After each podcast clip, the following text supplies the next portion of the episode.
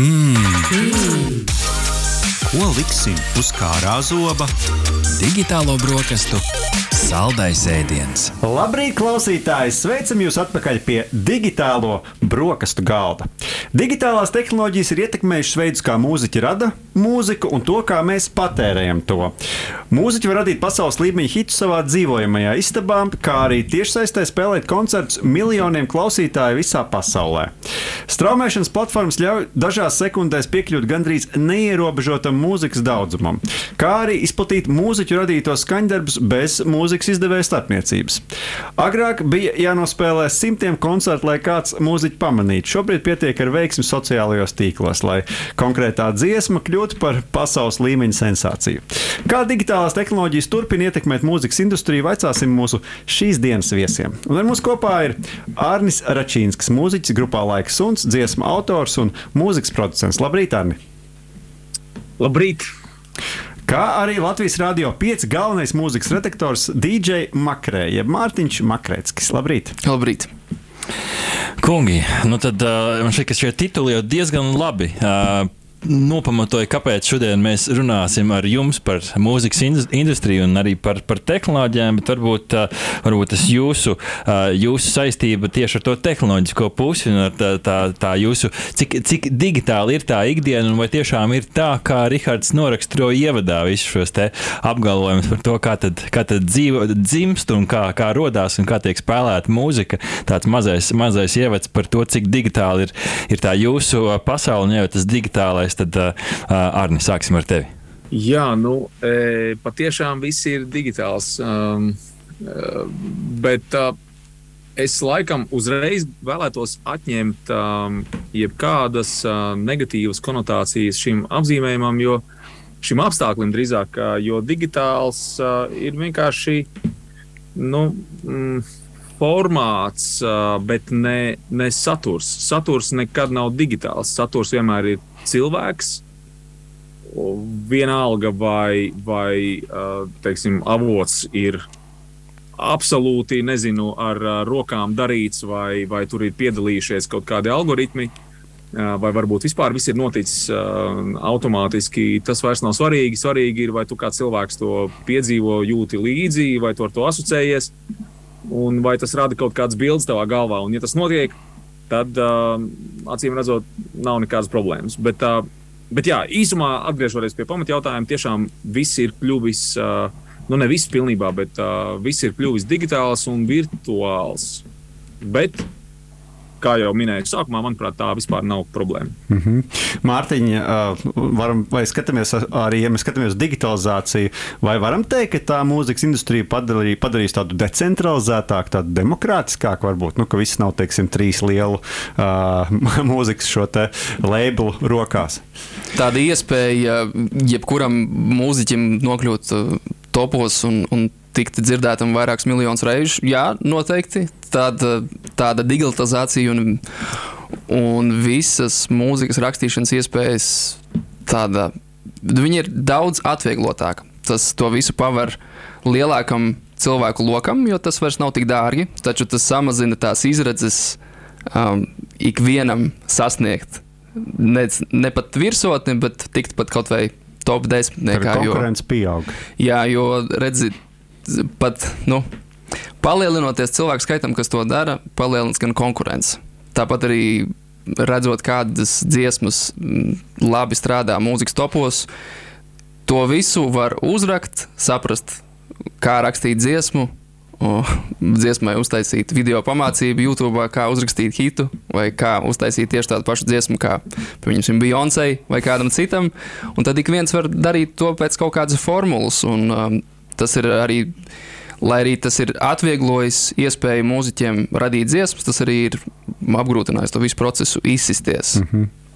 Jā, un droši vien varētu teikt arī, ka tā mūzika kļūst tāda vienādāka, varbūt pat eh, nu, vismaz populārā mūzika, jo, kā saka, viens no otras piko, un kā jau, kā jau tu minēji, vai ne?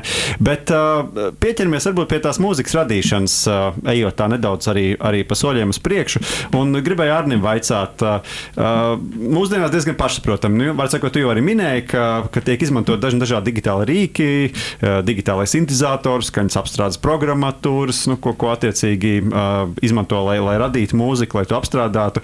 Kas varbūt ir tās jaunākās tendences mūzikas uh, radīšanā?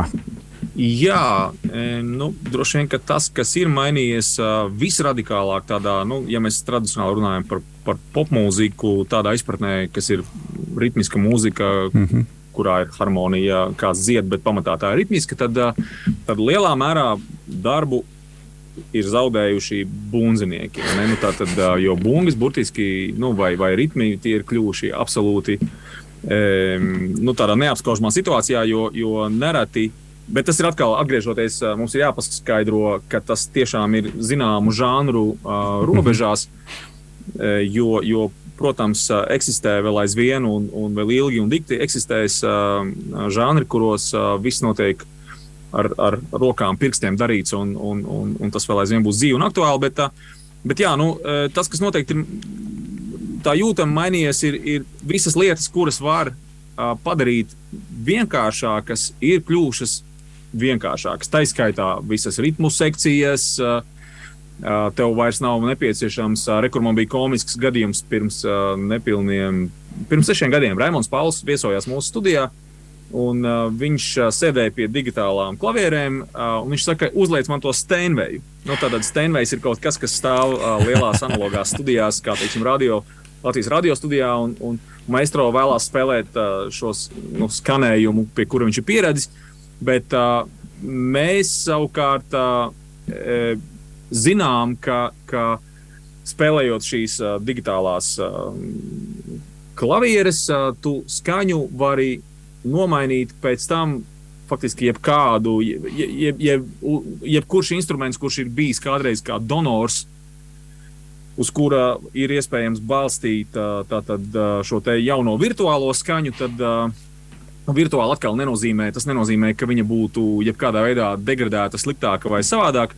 Vienkārši tā ir pirms tam ierakstīta, tie ir, tie ir sampli, kurus nospiežot ar šo te, digitālo klaviatūru, tu dod komandu datoram atskaņot šo konkrētā Steinveja sampli, kurš varbūt atrodas AB Road studijā Londonā. Un katrs, kuram ir šis virtuālais instruments, var šo, šo šīs, nezinu, kādas leģendāras britu klavieres arī spēlēt. Nu, lūk, un, un, nu, tas ir ļoti, kā saka, pamat līmenī, lai, lai, lai teiksim, cilvēkam, kurš vispār par to neko nezina, tad mēs varam apmēram ieskicēt, ka, ka tā lietu virtualizācija, virtualizēšana, viņa, no, viņa, viņa noteikti atņem darbu vai, vai tādu veselu, veselu procesu posmu, kurš līdz šim ir bijis nepieciešams uh, obligāts, lai vispār kaut ko ierakstītu. Tur, uh, sākot no bungām līdz tur, uh, klavierēm, vienalga, jebkādām lietām. Un, un, un, un, Savukārt, ja, ja jūs kaut ko no tā apmēram saprotat, tad, tad mēs noteikti jāpiemina, ka, ka, ka ir pilnīgi pašsaprotami kļuvis, ka tu mūziku vari radīt no dažādām nejaušām iepriekš ierakstītām lietām, kuras tu burtiski mūsdienās bieži vien mūziķis nevis sēž pie sava nu, tradicionālā instrumenta, kā ģitāras, klavierēm vai savādāk, bet tu skrien cauri samplu bibliotekai, un, un, un tur ir kaut kādas uh, iepriekš ierakstītas lietas, kuras, uh, uh, kuras uh, mēs brīvi varam, varam graizīt, uh, manipulēt uh, un, un iegūt kaut ko pilnīgi jaunu. Jaunus rezultātus, un, un tā ir kļuvusi par, par normu, un arī tā ir, nu, tā, arī tas prasa tādu pašu pieredzes, bagāžu, treniņu, gluži kā spēlēt instrumentu. Tev arī, tev arī nu, ir cilvēki, kuri uh, ir. ir uh, nu, saka, virtuozi šajā, mm -hmm. šajā Bet vai tur, vai, vai tur arī nepazūd kaut kāds nu, individuālais pieskāriens, un tajā brīdī, kad uh, maistra nu, tā, teikt, tā enerģiskāk uzspēlē to klavieres, protams, neesmu mūziķis, varbūt tu iebraukšu šitīgākajā grāvī, bet Jā, ja tev ir viena, š, vien, šeit... viens ieraksts, viens skanējums, un to vienkārši pavairo, tad visi skan daudz maz vien, vienādi. Tas nav tik vienkārši, redzi, e, piemēram, ir, ir šis slavenais, e, Mārtiņa palīdz man, kā saucās, Amen Beat, vai ne? Amen Breaks, jā. Tas ir no breaks, 1978. Jā. gada dziesmas izmantots bungu samples, kas ir viens no man šķiet visvairāk samplētākajiem mm -hmm. uh, audio ierakstiem vispār mūzikas uh, vēsturē. Mm -hmm. Ļoti ikoniska skaņa. Ja jūs dzirdētu oriģinālu, jūs droši vien varētu Noteikti saprast. zinātu, jā, Bet, bet, bet, bet kā- kādēļ es pieminēju šo piemēru? Tādēļ, ka uh, katrs interesants var uzmeklēt YouTube. Mm, ir um, vismaz viens video, droši vien ka tādi vairāki, kur ir salikti blakus dažādi piemēri, kur skan viens un tas pats uh, avots, bet viņš skan no lēna, grūvīga hip hopa līdz uh, tur džunglam, drumbeiss un tādā garā. Viņš, viņš ir ļoti, ļoti manipulēts, bet. Uh, bet tie rezultāti ir faktiski bezgalīgi. Nu, tad avots ir kā vēl aizvien ir viens un tas pats. Līdzīgi kā ir, ir ģitāra viena un tā pati, bet uh, Hendriksa, BB Kinga vai Kurta Kobeina rokās tas instruments skan radikāli. Atšķirīgi. Tā, Tur- tas pats notiek faktiski mūsdienās ar mūsdienīgiem, uh, mūsdienīgiem līdzekļiem. Tur droši vien arī varētu teikt to pašu, ko es teicu sākumā, kad uh, tā iespēja radīt mūziku ir gandrīz ikvienam, bet uh, pilnīgi katrs, katrs indivīds kaut kādu bunglu vai kaut kādu samplu izmantos citādāk. Un tas arī laikam atšķir tos, tos mūziķus, kuri, paliek, kuri strauji paliek veiksmīgi vai kuriem rodas īpatnējs skanējums. Jo ik viens kaut kādu bungu vai- klavieru samplu apstrādās citādāk. Viņš tam atradīs citu pielietojumu. Un tas arī ir tas. citu kontekstu galu galā. Es domāju, ka mēs arī esam laikmetā, kurš drīzāk ļoti manipulē ar kontekstu, nevis cenšas radīt kaut ko radikāli jaunu. Arī do, droši vien dēļ tā, ka tā līdzinējā nu, pop, popmūzikas um, saturs. Nu, īstenībā popmūzika arī ir relatīvi jauns, jauna lieta, jo faktiski viņa tāda izpratnē, kā mēs to saprotam, ir mums atpazīstama. Nu, mēs par popmūziku sauktu mūziku, kur ir radusies apmēram no, no, apmēram no Elvija Preslija, El, atvaino, Elvisa Preslija laikiem.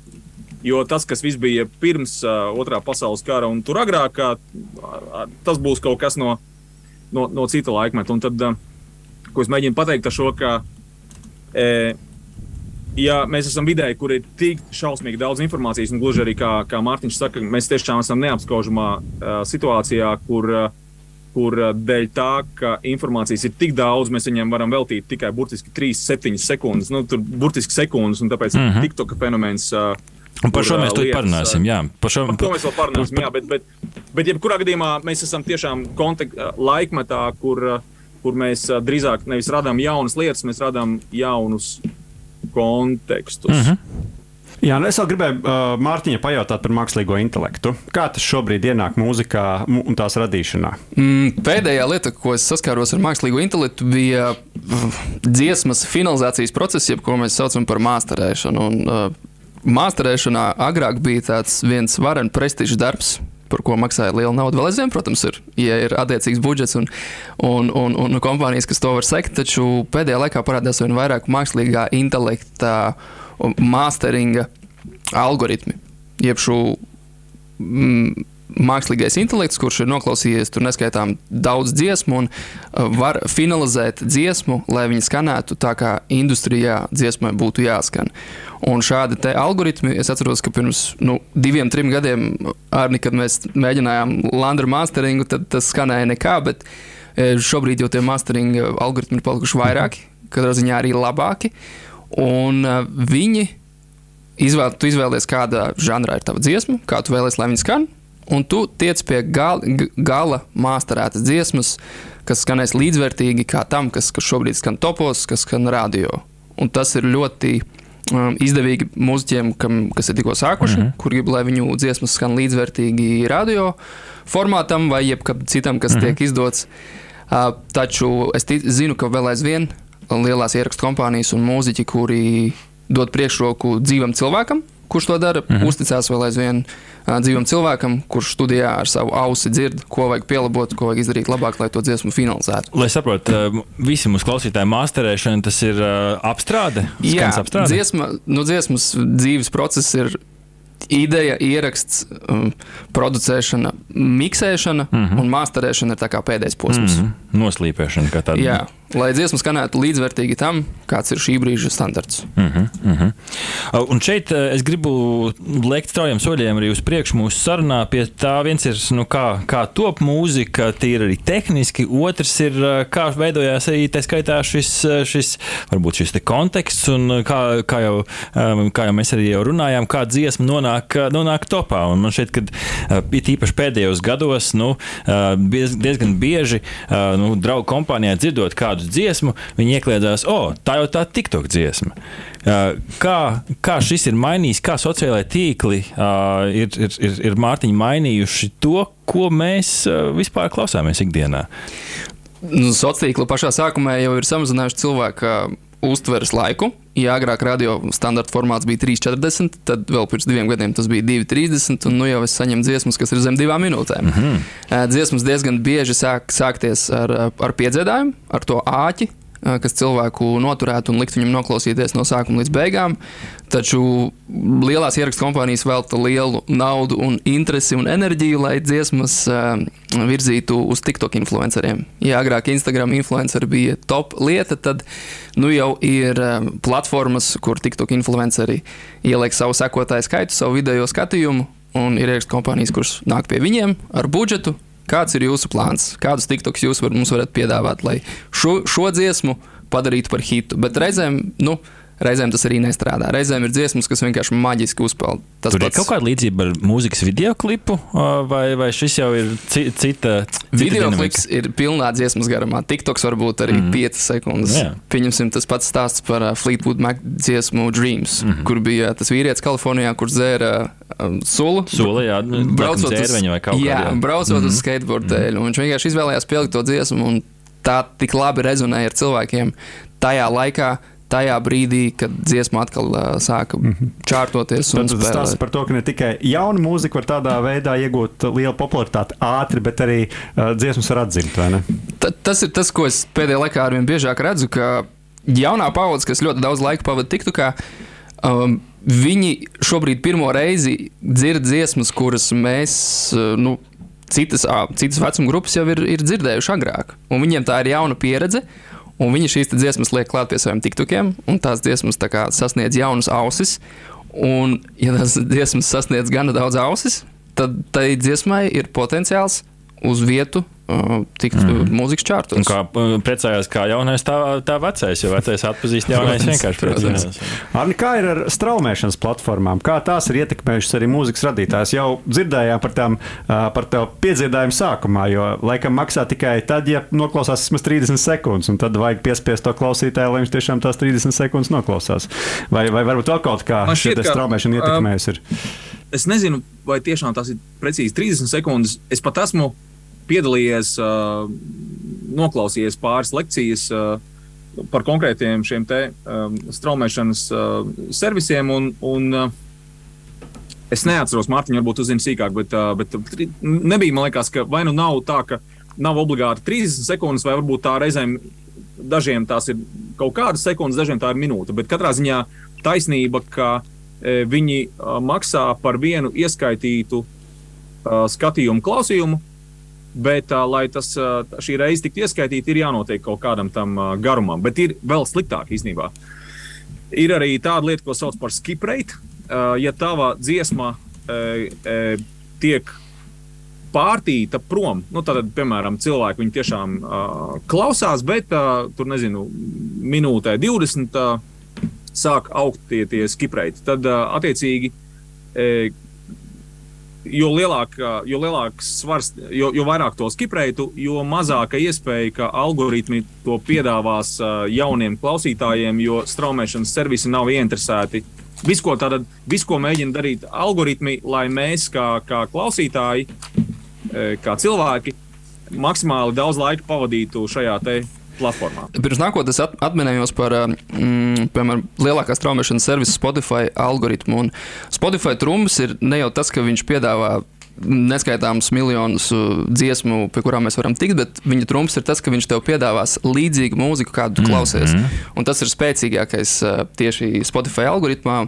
Un ir, ir daudz dažādu punktu. Arī viens no tiem ir ski- skipreits, ko, ko Arnēs minēja. Bet uh, pieci tie galvenie punkti, pēc kā Spotify algoritms izanalizē dziesmu, ir uh, akustika, uh, danceability, jeb dejošana, Dejojamība. dejojamība, enerģija, dzīvīgums un skaļums. Tie ir tie pieci galvenie punkti, ko no 0 līdz 100 katrai dziesmai dators izanalizē. tā, tas mākslīgais intelekts nav kāds dā, kā dāma vai onkulis, kur klausās.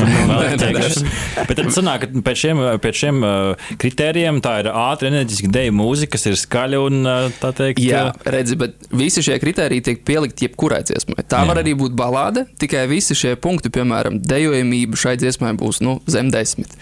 O, akust, tomēr viņa akustiski būs ļoti. Uh, Akustikai būs ļoti liels cipars, tāpat arī dzīvīgumam. Jo deju mūzikai, piemēram, kur ļoti daudz ir programmētas bungu ritmu, Tur tā sintētika vairāk Tur nekā- dzīvīgums ir ļoti mazs. Un tādēļ Spotify ņem vērā to, kādai dziesmai, kādu dziesmu tu šobrīd klausies, kādi ir viņas dati, kādu mūziku tu klausies iepriekš. Un uh, viņš tev piedāvās līdzvērtīgas dziesmas tam, ko tu šobrīd klausies, lai tev pēc iespējas ilgāk noturētu, kā uz tā āķa, lai tu pēc iespējas ilgāk klausītos, tikt pie jaunas mūzikas. Tad pēc, šī, pēc savienot visu šīs, šīs atziņas kopā, tad, tad sena, senā mūzika, es saukšu to jau par seno mūziku, kas bija, nu, nezinu, tur ir tie klasiskie leģendārie roka gabali, kas ir 10 un 11 minūtes, kas sākās mierīgi un lēnām, kamēr ieved tev tajā visā sajūtā, un tad viņiem praktiski izdzīvot tādā mūsdienu algoritmu pasaulē, tur jāpiesaist tā salu čupa ar tiktokeriem. Jā, vēl ātri, kamēr mums vēl ir nedaudz laiks, mēs varam kaut kādas vēl dažas tendences apskatīt. Nu, nu, piemēram, par, par blokķēdes tehnoloģiju. Nu, tā dod iespēju tiem produktu un pakalpojumu pārdošanai veidot tādus gudrus līgumus, nu, kur, var sakot, tas aizsargā gan tās autortiesības, un, un nu, arī uzliek kaut kādas nosacījumus, teiksim, tā mūzikas tālākai pārdošanai.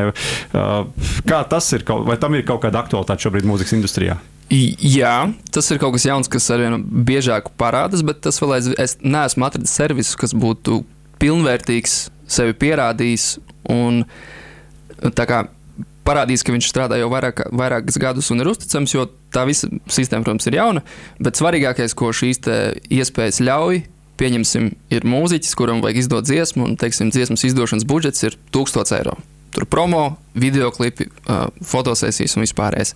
Ir divi varianti. Vai nu tu ej pie ierakstu kompānijas, saki, mm -hmm. nu, ierakstu kompānija paņems no tevis 80%, bet viņi tev iedos šo te naudu. Un tu sāksi pelnīt tikai tad, kad, tu, kad ierakstu kompānija atpelnīs savus 1000 eiro.